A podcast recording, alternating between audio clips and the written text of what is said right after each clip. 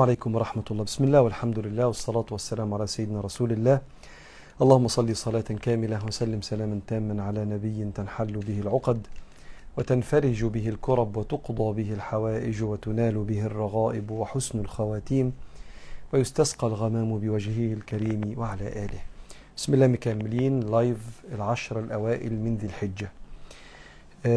عايز أشارك حضراتكم النهاردة معنى من أهم المعاني اللي المسلم لازم يعيش بيها والمعنى ده ما يتحركش من هنا. يفضل بين عينيه كده ما يغيبش ابدا عن عين كل مسلم. هيساعده إنه يبقى نعم العبد لله يعمل وظيفته اللي اتخلق عشانها. وما خلقت الجن والإنس إلا ليعبدون. المعنى ده مرتبط بالتسليم لربنا. إحنا في زمن كتير مننا محتاج يراجع يعني إيه كبير. يعني مثلا لو أنا أبويا كبيري لو أبويا اختلف معايا آه أنا ممكن أعبر عن وجهة نظري وأبقى متضايق وممكن أعترض بس ده أبويا. فاعتراضي على أبويا مش زي اعتراضي على صاحبي. ده أنا بعترض على كبيري. فلازم يبقى بالطريقة اللي تليق بالكبير. أستاذي اللي علمني لو عمل تصرف معين ممكن مش قادر أستوعبه وأنا بسأله حضرتك عملت كده ليه؟ بسألش واحد في الشارع. بسأل, بسأل أستاذي اللي كل معلوماتي هي جزء من معلوماته. فانا لحم اكتفي من خيره. وبعدين من علمك حرفا صرت ومن علمني حرفا صرت, صرت له عبدا يعني خادما. فلما أجي أعترض على أستاذي لا لا ده ده كبيري. نفس الكلام ايا كان بقى ليس منا من لم يرحم صغيرنا ويعرف شرف كبيرنا. طب الكبير ربنا من أسماء الكبير وهو العلي الكبير. الكبير ربنا سبحانه وتعالى لما يؤمر بأمر ربنا مش زي الخلق شتان بين المخلوق والخالق. أيوه بس الأمر اللي ربنا أمر بيه ده أنا بصراحة مش فاهم حكمته. استنى أنت بتتكلم مع ربنا. أنت محتاج إنك أنت يبقى عندك رحلة في التعرف على الله بعقلك وقلبك لغاية ما تقتنع إن ده ربنا. صدقت؟ قلت لا إله إلا الله سيدنا محمد رسول الله. أيوه يعني هو ربنا. خلاص آمنت. لو لسه ما آمنتش وبقى عندك حق اليقين كمل في رحلتك لغاية ما تآمن. لكن آمنت فأنت من الناس اللي ربنا بيقول يا أيها الذين آمنوا فعل ماضي. أنت كده؟ آه لا يبقى مش كل حاجة ربنا هيقولها هتتفهم. ليه؟ لأن ولله المثل الأعلى. لو أينشتاين كان بيدرس في مدرسة وهو أينشتاين فقالوا له خش فصل قول حضانة.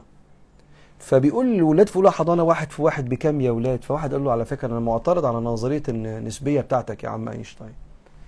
يا ابني أنت لسه بتتعلم واحد في واحد.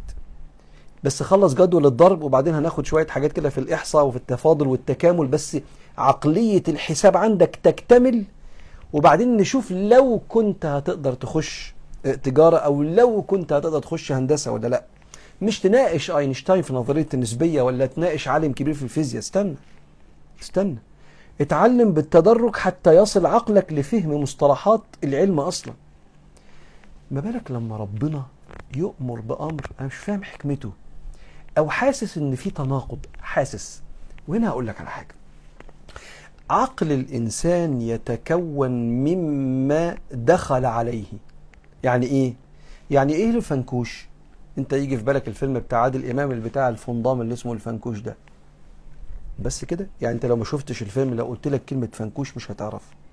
اولا هي ممكن تبقى كلمة ملهاش معنى فأنت مش قادر تتصور إيه المعنى ده لأنك مش عارف معنى الحاجة. أو شفت الفيلم فتقول لي آه الفنكوش ده بتاع. بس خلاص كده. فالنهاردة أنت المعلومات اللي جواك متكونة من حاجات سمعتها وشفتها. وبالتالي لو قلت لك الطحال إيه الطحال ده؟ هو ده نبات ولا ده حيوان؟ ولا ده اسم بلد ولا ده عضو في جسم الإنسان ما انت ما تعرفش. فالعقل بيتكون من مجموعة المدخلات اللي دخلت له من العين والودن الحواس والتذوق والشم واللمس. الله خارج العالم بحكمته وعظمته وصفاته الكاملة. فانت تصوراتك لن تستطيع أن تحيط بالله ولا يحيطون به علما. أقول لك ولا يحيطون بشيء من علمه إلا بما شاء. يعني معلومات ربنا اللي في الكون ما بنعرفهاش إلا لما ربنا يدينا الإذن. نعرف المعلومة دي عن الجزيئات عن الموجات الصوتية عن مش عارف ربنا بيكشف كل يوم. ملك ربنا نعرفه ونعرف حكمته. وبالتالي خوض رحلتك في الإيمان أنه الله. تمام؟ آمنت؟ يعني نعرف نقول لك يا أيها الذين آمنوا تقول أيوه ده أنا أنا اللي يا أيها الذين آمنوا. لأن أنا لما أقول لك يا أيها الذين آمنوا اعمل حاجة أنت مش مقتنع بتقول لي لا لحظة واحدة اقنعني. أقول لك هو أنت مش واخد بالك إن ربنا اللي بيتكلم؟ عشان كده ما تستغربش إن ربنا مثلا لما يتكلم عن أبو الأنبياء وهي قصته النهارده إنه ليه علاقة كبيرة جدا بالحج والتسليم. الحج كله خطوات فيها تسليم. المشايخ تقول لك كده. أمرنا إن إحنا ما نعظمش الأصنام. حاضر يا رب. ده أصلا النبي جه علشان يقضي على عبادة الأصنام وبعدين قال طوف بحجر. أنا ما بطوفش بالحجر. الحجر ده رمز لشيء ربنا بيعظمه عشان أعظم ربنا. فأنا شايف ربنا وأنا بطوف بالحجر بقلبي شايف تعظيم ربنا. طوف بحجر وامسك حجر. رمي جمر وارميه على حجر وتخيل ده الشيطان وأنت بترفضه وتقول الله أك... حاضر يا رب. حاضر. سمعنا وأطعنا. قوم صلي الساعة 4 الصبح. ده إيه ده؟ الفجر. ليه مش 8 ما نصحى ونستريح كده. 4 حاضر دي أحكام الميراث. لحظة واحدة. طب والزمن اتغير والستات والرجال يا استنى استنى. اتعلم الأحكام أصلا قبل ما تعترض على حاجة مش متعلمة. درست فقه المواريث تمام بقيت متمكن يلا اعترض. لما تعترض بعد دراسة فقه المواريث وتشوف الاتزان والعدل والرحمة اللي فيه لما تعترض هنقول لك ده ربنا. اللي قال كده؟ وانت غالبا لو درست هتنبسط مش هتعترض لأنك هتشوف الحكمة. والرحمة في توزيع المواريث شفناش عالم اعترض. بعض الأصدقاء أو السليبرتيز أو المشاهير أو غير المتخصص يعترض وهو ما درسش. اللي درس بيقول اللهم صل على النبي سمعنا وأطعنا. عليه الصلاة والسلام. ف بقول لك الكلام ده ليه؟ بقول لك الكلام ده علشان قصة سيدنا إبراهيم. فلما بلغ بلغ معه السعي سيدنا إسماعيل كبر. وسيدنا إبراهيم خلفه هو كبير أصلا. فلما بلغ معه السعي لدرجة إن لما يعني سيدنا إبراهيم لما خلفه كان فرحان بيه جدا على كبر. بس لما خلفه أنت بقى مش شايف ربنا شايف أنت مش شايف. استنى مش هقول لك ربنا. ال GPS ال Google Map وأنا ماشي في الطريق تقول لي ما تمشيش من الطريق ده. أقول لها ليه؟ ده الطريق بمشي منه كل يوم. تقول لي أنا شايفه أو أنا شايف قدام زحمة أنت مش شايفها. فامشي من طريق تاني. أنا بقول لك يا GPS أنا بمشي من الطريق ده. فكسر كلام ال GPS ويطلع الطريق مش سالك لأنه شايف بقمر الصناعي من فوق. فأنا سمعت وأطعت ال GPS لأنه شايف ما لا اراه يا سيدنا ما بالك ربنا. فقال له يا إبراهيم سيب مراتك هاجر وابنك إسماعيل في المنطقة المنطقة دي. ما فيش بقى لا مكة ولا أي حاجة لا زرع ولا ماء. شوية طوب كده عامل زي المربع كده قواعد البيت بس سيبهم هناك. عند بيتك المحرم اللي هي قواعد البيت. وإذ بوأنا يعني أظهرنا لإبراهيم مكان البيت. أدي قواعد لسه كده إيه طوبة كده بس إيه مربع كده. طب يا رب ده ما فيش أكل ولا شرب. امشي كمل رحلتك في الشام وأنا هرزقهم. يا إبراهيم الله أمرك بهذا ستنا يقول له عمل لك قالت له مش هيضيعنا ده ربنا. ما إحنا اتفقنا إن ربنا بقى خلاص. ما دام قال يبقى هينفذ.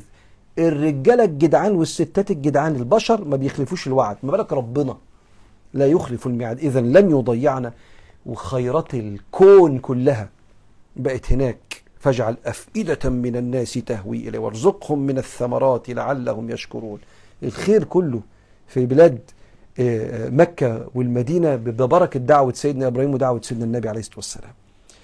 فلما مشي رجع لقى سيدنا إسماعيل كبير والعالم كله بقى هناك بقى بسبب بير زمزم والقبائل وملك فلما بلغ معه السعي كبر شاف حلم حلم. آه أنا أشوف حلم أنا أحكي للشيخ ولا أحكي لحد. أو ما أحكيش وما أهتمش وأنسى. الأنبياء لا. الرؤى ده وحي. ربنا بيقول له اعمل الموضوع ده. أيوه رؤيا الأنبياء وحي. أيوه علمونا كده. فلما بلغ معه السعي قال يا بني ربنا قال لي. مش زي حالاتي أنا لو شفت في المنام أني أذبحك يعني هيصحى قلبي مقبوض كده وما أفكرش في الموضوع ولا أسأل الشيخنا إيه تفسير الحلم بس خلاص كده. لكن النبي لا في حاجة هتتعمل أني أذبحك إيه رأيك يا ابني؟ فانظر ماذا ترى. قال يا أبتي افعل ما تؤمر. ما إحنا متعلمين ما هو ربنا. ده مش واحد صاحبنا ده ربنا. افعل ما تؤمر. ستجدني إن شاء الله من الصابرين. يعني لا أخالف أمر الله مهما تغيرت الأحداث. مش أنا مؤمن هفضل مؤمن. ثبات الحال الصبر. ثبات الحال رغم تغير الأحوال. حاضر يا أبويا حاضر يا رب. فلما أسلم وتله للجبين رقدوا كده علشان الذبح. وناديناه أي يا إبراهيم قد صدقت الرؤيا. إنا كذلك نجزي ال... إنا كذلك نجزي المحسنين. إن هذا لهو الاختبار البلاء المبين. وفديناه بذبح عظيم. دار نقاش جميل جدا بيني وبين حد كده من الأكارم. يقول لي يا مش الموضوع ده مش مستريح له. ليه ربنا أصلا يؤمر بحتة الذبح شديد قوي الكلام ده؟ وليه ربنا يب- يبعت رؤية للأب إنه يذبح ابنه يعني؟ طبعا سيدنا إبراهيم ما أنت برضه ما تبصش للصورة من لقطة. عارف تخش الفيلم كده تاخد لقطة من الفيلم. غلط. غلط. خد الفيلم كله على بعضه. إحنا بنعمل كده مع في حالنا في الدنيا. سيدنا إبراهيم اللي أبوه كان بيعمل بي- ي- ي- يبني الأصنام وقال له يا أبت إني قد جاءني من العلم ما لم يأتك فاتبعني أهدك صراطا سويا اطلع بره هرميك بالطوبة موتك. قال سلام عليك. إذا كان عمل كده مع أبوه هيعمل إيه مع ابنه؟ بار بار بار بكل من حواليه. إن إبراهيم لحليم أواه منيب. إبراهيم سيدنا إبراهيم بيجادل عن قوم لوط اللي كانوا بي بي بيمارسوا ال- ال- الفعل القبيح ده. ولما جاءت رسلنا إبراهيم بالبشرى يجادلنا في قوم لوط. طب معلش يا رب هن- هنكلمهم تاني نقول لهم طب معلش إن إبراهيم لحليم أواه منيب. يا إبراهيم أعرض عن هذا. إنه قد جاء أمر ربك وإنهم آتيهم عذاب غير مردود. سيدنا إبراهيم الحنية كلها. في شيء أنت ممكن ما تبقاش فاهمه. إزاي ما فهمش؟ أه ما هو ربنا اللي قال. ما إحنا اتفقنا انه ربنا فممكن يؤمر بأمر أقول له سمعنا وأطعنا وأنا مش فاهم. لأن ربنا أمره مش خاضع لعقلي. لو عجبني أقول يا سلام على حكمة رأي شفت الجمال؟ طب لو ما عجبنيش هقول سمعنا وأطعنا. لأني أصلا مش في القاموس بتاعي كلمة ما عجبنيش. أنا أصلا مش بقيم أمر ربنا. أنا عبد وهو رب. لو اتفقنا على دي. فأنا عبد. اللي يقوله كله حلو حتى لو أنا مش فاهمه. الاستسلام. أنت عارف إن في استسلام في النعمة زي ما في استسلام في البلاء؟ عمال يكرمك ويدلعك ويرزقك ويفتح عليك يسترها عليك. ما تخافش. مش هتتكعبل بعد شوية. عارف أنت إيه؟ الخير ده كله؟ يبقى أكيد في مصيبة هتقع. لا استسلم إن ربنا بيدلعك. اقبل الانبساط وانت مرضي وفرحان كده. اقبل الانبساط وانت في رغد العيش. طب في أزمات ومشاكل استنى. مدة البلاء وطريقة انكشافه وتوقيت انكشافه ده فعل الله ادعي إن ربنا يكشفه وخد بأسباب دفع البلاء. لكن هيخلص البلاء دوره وبعدين ينصرف من حياتك في هدوء. الاستسلام لأمر الحجاج بقى بات في منى. حاضر. بات في مزدلفة. ارمي الجمرات. اذبح الهدي. اعمل. سمعنا واطعنا خذوا عني مناسككم. ليه النبي كان بيعمل كده. حاضر. سمعنا واطعنا اتأكدنا إن ربنا اتأكدنا إن ده كلام ربنا اتأكدنا إن ده كلام النبي. يلا سمعنا واطعنا فده كان كلام كده يعني إيه بشاركه مع حضراتكم عشان نراجع بس معنى الاستسلام. إذ قال له ربه أسلم. قال أسلمت لرب العالمين.